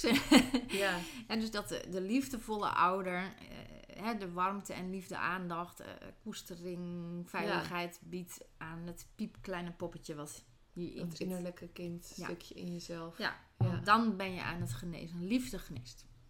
Ja, mooi. Dat zei je, dat zei je vanochtend. Daar wilde ik inderdaad nog op terugkomen. En je zei er iets heel moois achterna, want liefde geneest. En toen zei je... Dat is het enige wat geneest. Ah ja. Liefde, liefde geneest. En homeopathie is de liefde van een plant of een, oh ja, zo is, dat, uh, een, een, een, mineraal of een, uh, hè, een, een substantie via een uh, homeopathische bereiding is de liefde van die substantie. Die kan genezen. En daar zit ook nog iets bij, dat is ook nog wel belangrijk om te vermelden, dat het soms ook nog zo is dat de, de driehoek uh, patiënt, homeopaat, middel, dat die ook moet werken. Hmm. Dus als er een toch enigszins onbalans is tussen de homeopaat en de patiënt, dan kan het goede middel ook nog niet werken. Als je dan van een andere homeopaat krijgt, dan zou het wel kunnen werken. Nou, of omdat, het, omdat het gewoon niet, niet stroomt. Ja, maar dat is ook dat de... liefde, dat, die liefde daarin. Want ik ben geen expert op jouw lichaam. Jij bent de expert van jouw lichaam, van mhm. jouw geest, van jouw geschiedenis, van alles. Ja. dus wij zijn gelijk. Ook daarin ben je home, weet je, homeopathisch, zeg ik maar bijna. Ja. Dus ik ben niet hier de alwetende expert. En uh, de patiënt die weet eigenlijk maar niks en die moet maar doen wat ik zeg. Nee, nee. dat is niet zo. Weet je, we zijn eigenlijk gewoon gelijkwaardige mensen. Ja, dat is mooi. Heel mooi Hè? En daarin past dat middel, als het goed is, vormt dat soort drie-eenheid. mooi, ja. Ja. Heel cool. Ja. Ja, die kwam ook nog langs in de scriptie. Maar goed, die, die, die... Hoeveel scripties heb je? Nee, dat was diezelfde van de werking. Ja, maar ja. Uh, dat is een beetje de, de, ja. een van de ingewikkeldere uh, theorieën, zeg maar. Ja, maar wel heel mooi. En ik voel het wel. Ja, ik kan het wel helemaal voelen als je het zo... Ja, ja dus is ook gewoon wat jij zult hebben. Weet je, je hebt gewoon een klik met iemand of toch niet helemaal. Of, ja. en daarin, dat, dat vind ik ook... Ik sprak toevallig van de week iemand die... Um, ook een heel grappig. Zij zei: Oh ja, ik heb je een paar jaar geleden heb ik jou gevolgd. En toen zag ik dat je een kindje had gekregen met een schizus. En toen vond ik dat zo uh, mooi. Uh, weet je hoe je daarover deelde. Maar het raakte me ook heel erg. En toen wist ik nog niet. Maar ik heb inmiddels ook een kindje gekregen met een schizus. Dat het me toen zo raakte. En ze zei van. En nu volg ik je weer sinds een tijdje. En ja, het, opeens kwam je zo over mijn pad. Dus we hadden een heel leuk gesprek. En. Um, Um, maar we gaven allebei aan van, oh, in welk ziekenhuis zat je dan? Dat we allebei hadden geswitcht van, van uh, ziekenhuis. Omdat we uh, beide voelden van, tenminste, ik, ik deel het wel even vanuit mezelf, maar ik voelde heel erg van, oh, we werden naar de VU doorverwezen door de verloskundige toen. Daar kwamen we aan. En vervolgens zei iemand tegen mij, ja, maar je kan ook nog even bij een ander ziekenhuis gaan kletsen, zeg maar. Mm, Even mhm. gewoon kennis maken en Ja, voelen. Want je gaat toch zo'n traject in en je Mhm. weet niet hoe intens dat gaat zijn en worden. Mhm. En dat heeft me zo doen beseffen van je hebt altijd de keuze om naar een andere hulpverlener te gaan. En misschien is Nog wel, ja. Ja, Ik hoop dat het blijft. Ja. Ja. ja, ja. ja. Nou ja. ja, maar naar jou zou ik altijd toe kunnen gaan, want ik betaal jou gewoon. Snap je wat ik bedoel? Ja, Dus ja, die ja, eigen ja, de- keuze zit daarin. dat is waar. Nou, vanuit, precies. Kijk, er zijn natuurlijk... En dat is ook een eh, hele ja. bewuste keuze. Want ik kan, ik ga liever zeg maar die, dat, jouw tarief aan jou betalen. Ja. Dan dat ik naar de huisarts ga. Dus die Ja, het, het, het ligt eraan, voor, nogmaals, voor bepaalde dingen natuurlijk. precies hè, voor, voor ehm, hè, een diagnose of een onderzoek of eh, even checken van hé, hey, waar gaat het hier over? Eh, is dat natuurlijk altijd wel goed. Ja, maar ik had laatst, wat ik je net deelde, van had ik een zandkorrel in mijn oog. Toen was ik naar de huisarts gegaan. Toen zei je net wel van, eh, de volgende keer kom je wel gewoon naar mij. hè? Jawel, Want jawel. daar kan je me ook mee helpen. Maar het Nee, is dat gewoon is leuk een- om te delen dat je ook daarbij Ja, dus eh, acute doen klachten. met Ja, de middelen. ja, dat is waar. Nee, dat is zeker waar. Het is ook niet dat ik... Nee, dat moet ik wel even heel duidelijk stellen. Ik ga niet iemand afraden om naar de huisarts te gaan. Dus dat is nu even... Nee, Ja, nee. eh, je wordt op dingen gepakt. Hè? ja. Ehm, dat is even buiten kijf. Nee. Maar eh, ook voor acute dingen. Ja, voor, weet je, daar, daar kun je eigenlijk weer, zelfs met die stofzuiger, eventjes weer zorgen van... Hé, hey, mijn lichaam krijgt die zandkorrel er niet uit. Ik heb Ja. nu zelf al dingetjes geprobeerd. Nou, eh, kom even aan dat snoer Ja. een rukje geven. Zodat het er wel weer uitgaat. Hmm. Hè? Ik heb het ook al eerder gehad, besef ik me nu. Al een keer eerder. Hmm. Ja. Dat zei ik ook tegen hem. Maar Ja. oh, interessant. Ik hoop niet dat het nog een keer moet gebeuren. Dan kom ik wel alsnog. En dan krijg je meteen silica. Oftewel, de homeopathische zandkorrel is nog echt zo. ja, Ja, dat is Ja. eh, kiezelzuur. Ja. grappig. Ja. Ja. En ik wil nog even iets bij jou over hebben. Want je had iets gezegd de vorige keer tijdens de EHBO-cursus. En daar zijn we nog niet eens op ingegaan. Eh, maar dat doen we zo dan eventjes. Ehm, toen zei jij, de natuur creëert geen klachten. Nou ja, ja, ja. En dat is me zo bijgebleven. En, en ja, dus daar wilde ik het even over hebben. Vertel.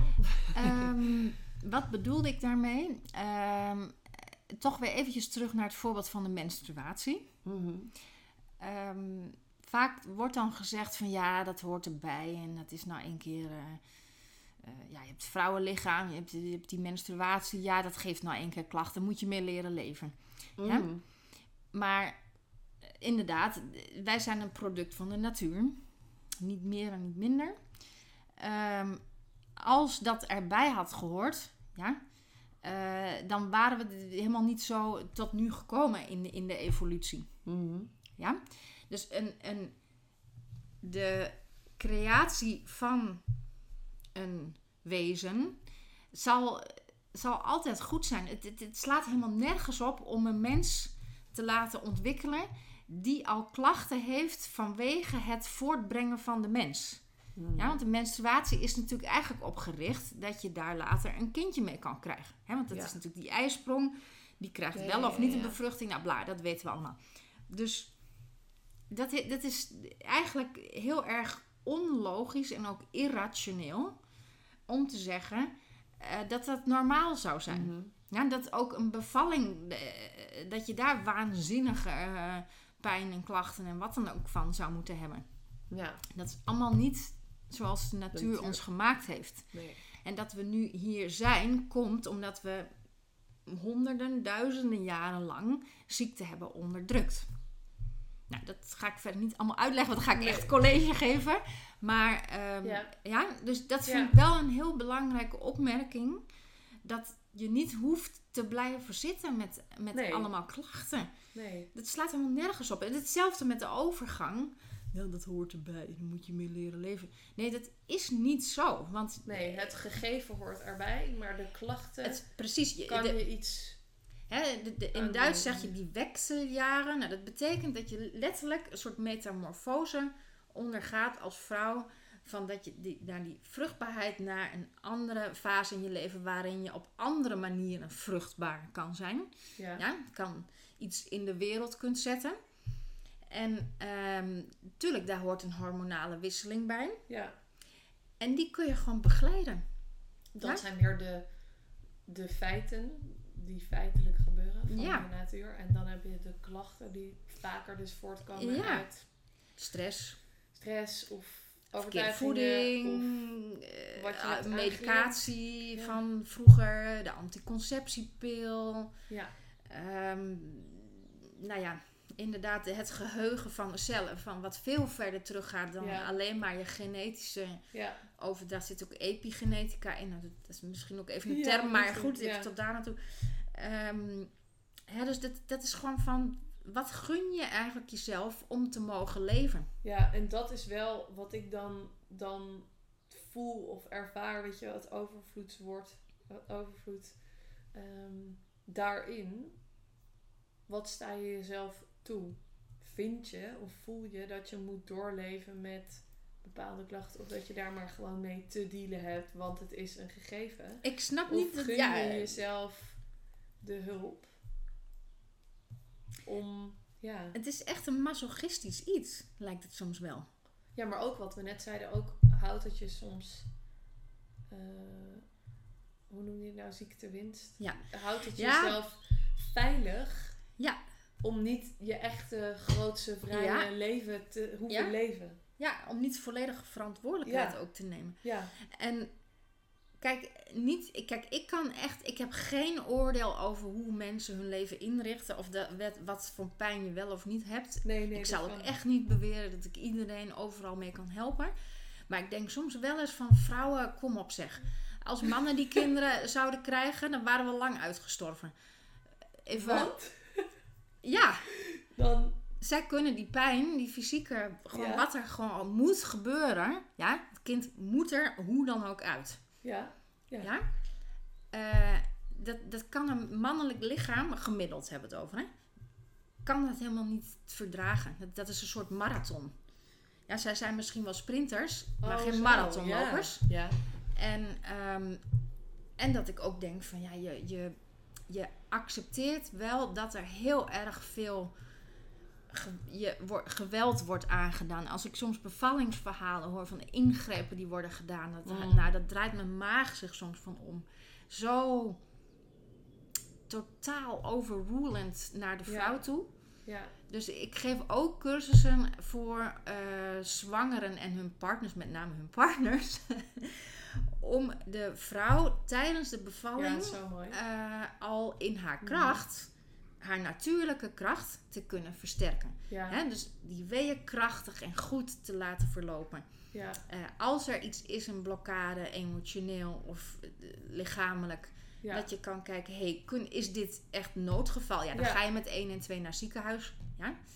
Hè, is dit, eh, kunnen we dit zelf?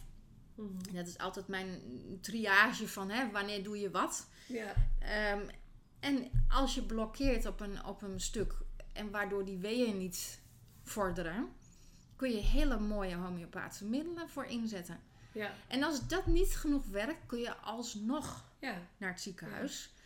Maar dan heb je wel meer de regie gehouden en Mhm. zelfredzaamheid eh, ja, vergroot. Doordat je de vrouw in haar kracht laat. En het niet door een extern middel eh, laat overnemen. Ja. Ja, dat vind ik echt mooi wat je benoemde. En het was grappig, want je zei net... Ja, wat ik gewoon het allerbelangrijkste vind is zelfredzaamheid. En dat was precies het introotje wat ik ook nog een paar steekwoorden eronder had opgeschreven. Van die zelfredzaamheid. Dat is wat ik zo erg voel in de samenwerking met jou. Ik noem het gewoon een samenwerking. ja. Het is geen business, het is geen business deal, maar het gaat wel, ja, wat je zegt, het voelt nooit als een eh, arts die mij vertelt, nou, nu neem je dit en dan is het weg. Weet je, het is hier ook. Vaak laat je mij middelen zien, voelen of iets lezen van, hé, hey, hoe voelt dit bij jou? En dat vind ik ook heel bijzonder daarin, omdat, ja, ik voel dan ook echt iets daarbij. En, Kan en- niet bij iedereen, dat moet ik er wel bij zeggen. Nee, maar dat hoeft ook misschien Maar dat niet hoeft bij niet. iedereen. Dat maar- geeft ook niet. Nee. want daarnaast is dat niet ehm, het enige, maar ook het eh, kitje. En ik zal wel eventjes die ook eh, op Instagram delen, een fotootje ervan. Het is een klein boxje met de 30 E EHBO-middeltjes, korreltjes erin, de buisjes met de namen ervan, van de middeltjes. En ehm, tijdens de cursus boekje. leer je dus met een boekje om te zoeken, hey, welk middel kan ik wanneer goed in, eh, ehm, inzetten. Uh, passend bij mijn kind met de klachten die je dan ziet, of bij je partner of iemand in je omgeving. Bij jezelf. Dat, en bij jezelf. En dat voelt zo rijk. Dat voelt zo. ehm, ja, dat voelt gewoon echt heel bijzonder. Ik vind het eh, heel fijn om te weten dat. En ik ben ook al de kindjes zelf. Nou, Bel nog niet, die is acht maanden. Maar Toon erin aan het meenemen. Van. Hé, je bent nu gevallen. Je hebt eh, een blauwe plek. Zullen we even Annika-korreltjes? Ja. En soms zegt hij nee. Dan doe ik het ook niet. Omdat ik hem daar ook in eh, wil. eh, hoe zeg je dat? Laten voelen en, Mhm. en respecteren. Want hij wil bijvoorbeeld nooit crèmpjes op. Crèmpjes, nee. Nee, geen crèmpje, mama, nee. Zo. Dan denk ik, nou, oké, dan niet. Ja. En bij de korreltjes, meestal wil hij dat wel. Dus dat is heel fijn ook. Eh, maar dat geeft zoveel, ehm ja, empowered Ja, voelt het. ja. Om eh, te voelen dat ik die mogelijkheid heb. en dat als er wel natuurlijk iets echt ergs gebeurt, zeg ik even tussen aanhalingstekens. Mhm, Maar ja, mhm. een blauwe plek vind ik niet zo erg. Of een Nee. schaafwond of whatever. Nee. Of een bijensteek of wat, wat, waar kan het allemaal bij helpen bij de EHBO-klachten? Van alles. Ja, bij heel veel hè. Maar eh, ja, het heeft mij gewoon echt en mijn gezin de afgelopen tijd zoveel geholpen. En ik ehm, voel zo in daar jouw missie ook om dat, eh, eh, om dat te verspreiden onder vooral moeders. Die kom je niet tegen, denk ik. En oma's. Ik heb, ik net. heb, ja, die oma's moeten eigenlijk nog een keer weer aanhaken. Maar door corona waren die even out of, ja, Ja, dat gingen we niet. Ja. out of the picture. Ehm, ja, ook wel, ik heb ook wel vaders hoor. ja. En ook mensen die geen moeder zijn of vader, maar ja, gewoon, nee, eh, tuurlijk. Ja. eh, weet ik veel, bij een, eh, een, een, een, een, hoe heet zoiets, een natuur- en milieucentrum werken. Of Ja. kinderopvang. Of, dat nou, zou van alles. ook Dus het is, niet, het is niet alleen maar voor Moeders. ouders bedoeld. Ja, hè, je kunt het ook gewoon op andere manieren toepassen. Ja. Maar het is, het, het is wel echt een doelstelling inderdaad. Gewoon empowerment van... ja, dat je niet voor alles naar die paracetamol of zo Nee. eh, grijpt. Hè? Eh, want die zijn toch niet zo onschuldig als je daar toch veelvuldig gebruik van maakt. Geeft het leverschade. En bijvoorbeeld bij zwangeren is er nu een onderzoek ook geweest. eh paracetamol gebruik bij zwangeren geeft echt hogere kans op ziekten bij de afwijkingen bij de Mm. pasgeborenen. Ik zei, ik moet even, hou me even te goed van wat precies de klachten dan zijn van die baby's. Maar Ja. daar komt echt wel echt meer regulier ook aandacht voor. Ja, Dat mooi. het niet een paracetamolletje is. Nee, het is gewoon een aanslag op je lever. Mm. Ja, Ja. en eh, als, eh, ja, afhankelijk van wat er gebeurt, kun je al dan niet iets uit de set, hè, uit de homeopathie set gebruiken. Of je doet even een eh, belletje van, joh Elke, wat, er is dit en dit gebeurd, eh, wat, wat kan ik doen? Ja. Dus EHBO-situaties of ook met zo'n zandkorrel of wat, dat kun je echt prima eh, nou ja, homeopathisch ondersteunen. Ja. En die cursus vind ik gewoon heel erg leuk om enerzijds ook wel iets van bekendheid te geven aan de homeopathie, wat ik eerder Ja, ook al zeker. zei. Ja. Eh, het is heel makkelijk, vind ik zelf. Misschien vinden anderen niet, maar ik vind het heel makkelijk te hanteren. ja. Hè? Eh, thuis zei laatst, wat zit je nou de hele tijd allemaal in dat boekje te zoeken? nee, ik probeer echt een soort eh, wegwijs te maken in ja, hoe je zelf dingetjes zo simpel mogelijk kan opzoeken. Ja. En als je er niet uitkomt, dan ben ik een soort backup. Ja. En ehm, daarmee heb je gewoon een tool in handen, letterlijk toolboxje, Ja. om jezelf en je omgeving eh, te kunnen helpen. ja, en dan niet te genezen van alles en iedereen, maar te ondersteunen. Ja. Levensvitaliteit, veerkracht, wat je zo mooi hebt genoemd. Ja. Ja. al die dingen. En dat, ja, dat voel ik echt heel erg erbij. En ehm, ja, mooi. Ik had nog één, ehm, één vraag. Die heb ik Mhm. eigenlijk ook van, eh, van Simone meegekregen. Wat leuk. Ik, Via- ik zei via tegen komt Simone, ik ga morgen elke eh spreken voor mijn podcast. heb je nog leuke vragen? Maar ik zei, ik zei er nou ook, ja, eigenlijk doe ik het altijd gewoon helemaal in flow, het, inter, het interview, het gesprek. Maar, um, uh, maar zij zei van in hoeverre, uh, uh, of je daar iets zinnigs over kan zeggen, in, in hoeverre heeft ook dit te maken met het placebo-nocebo effect? Ah ja, nou daar kan ik, dat is een, een vooroordeel ook. Ja, want dat, um, dat ja. komt natuurlijk veel ook voor. En ja. ik denk dat Simone die ook stelt vanuit haar achtergrond. Wat ze ja, ja, ja, ja, ja. Nou, allereerst bij alle behandelingen, regulier, alternatief, anything, ja. speelt een placebo-effect mee. Ja. Altijd, mm. bij iedereen. Dat is één. Nummer twee, er is voldoende en meer dan voldoende uh, klinisch onderzoek mm. gedaan uh, dat homeopathie beter werkt dan placebo. Mm. Dus dat is mijn hele eenvoudige antwoord. Mooi, ja. Cool. En menselijke aandacht en luisteren, uh, goed kijken, luisteren, voelen, horen, mm. ruiken, alles. Ja, dat is wat die Haneman, dus de grondlegger, Ja. als nummer één in zijn uh, handboek um, propageert. Je moet een open mind hebben. Niet invullen, blijven observeren. Dat, Ja.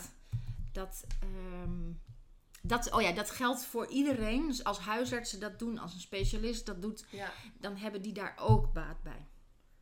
Ja, nou ja, ik weet nog dat ik hier, nu je dat zegt over dat observeren, en ik herken dat zelf ook heel erg nu in, in, in, mijn, eh, in mijn werk met klanten, dat ik ook gewoon, je probeert zo, ja, echt als de observer een beetje achterover te leunen en te kijken van, hé, wat zegt iemand, maar wat zegt iemand ook door de regels heen, zeg maar door de woorden, wat zit erachter en ook, ja, wat jij ook vaak beschrijft of benoemt, bepaalde bewegingen, gebaren erbij. Of eh, eh, wat je bij Toon toen de eerste keer zag van, oh, hij loopt ook op zijn tenen. Oh, dat is ook een eh, teken van een vos, wat was vos nou ja, zo. Dat, vond ik, ja, dat vind ik ook zo bijzonder dat dat eh, eh, allemaal meespeelt. En, en aan de ene kant bijzonder en aan de andere kant natuurlijk heel gewoon. Ja. Ik denk als artsen dat echt meer zouden doen, dat ook zij eh, ook betere klanttevredenheid zouden hebben. Ja, En ook minder medische fouten zouden gebeuren. ja, Daar zijn Ja. ook, ook nou kom ik weer, er zijn ook onderzoeken naar gedaan. ja. Dat het heel vaak ook houding van de professional is. Mhm. Niet zozeer gebrek aan kennis, maar eh, ja, gebrek aan betrokkenheid. Ja.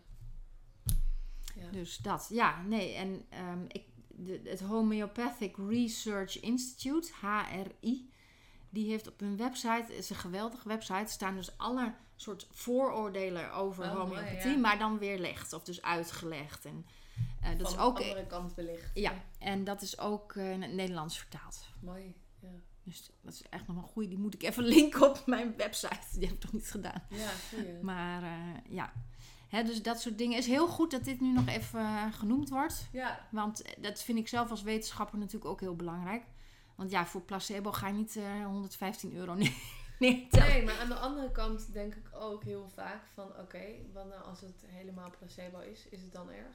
Nee, want het werkt toch? Ik voel me toch beter of ik voel me... En dat heb ik altijd bij mensen. Als jij toch het gevoel hebt dat iets werkt, Ja, dan maar is dat toch Dan genoeg. zeg ik, ik kijk naar baby's, ik kijk naar dieren, ik kijk naar planten. Nou, sorry, maar, maar dieren en placebo. Ja, Eh, baby's en placebo, nou ja, oké, is- met, met een Nee, beetje goodwill ja. zou, kun je dat nog bedenken. Maar het werkt ook op planten en op cellen.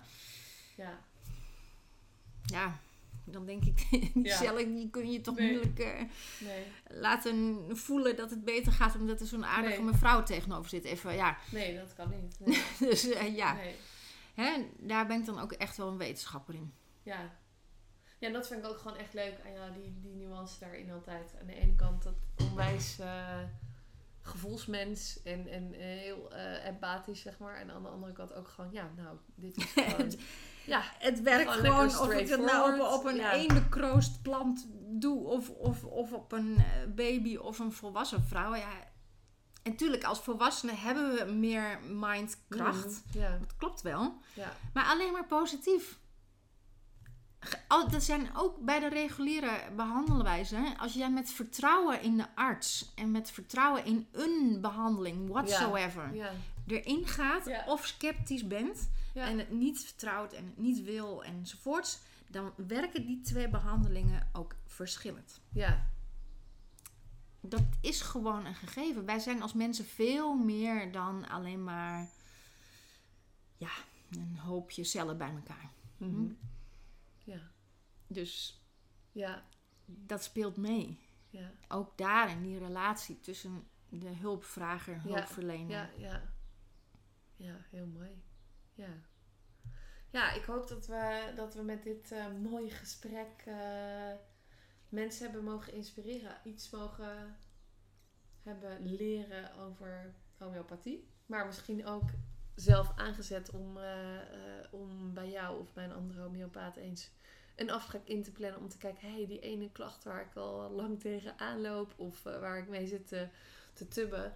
Kan dat misschien wat lekkerder stromen? Kan er meer flow in ja. aanwezig zijn, dan uh, zijn wij uh, heel blij. Zijn wij mooi geslaagd, toch, met dit gesprek? Nou, ik vond het een heel leuk gesprek. Ja, ik ook. Dankjewel voor je, voor je tijd. En je had kennelijk heel veel opgeschreven waar, waar, we dan op konden aanhaken. Dat is ook leuk. Ja, ja. ja zeker. En die vraag eh, van de, inderdaad, de vooroordeel is ook een goede vraag. Ja, nou ja. En, en de algemeen, wat betekent... Nou goed, daar hebben we nog niet eens over gehad. Wat is nou echt gezondheid?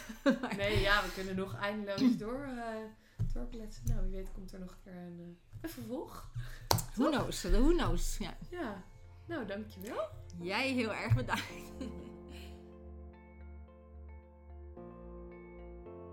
Yes, dit was hem weer even voor nu. Maar ik vind het echt vet leuk om te horen als je hebt geluisterd, wat het bij jou in beweging heeft gezet, wat er weer is gaan stromen, welke inzichten je hebt gekregen. Dus schroom niet om die met me te delen. En ik vind het ook super gaaf als je me een review achterlaat of een ster geeft. Zo kan mijn podcast groeien in bereik en kunnen we nog meer flow verspreiden de wereld in.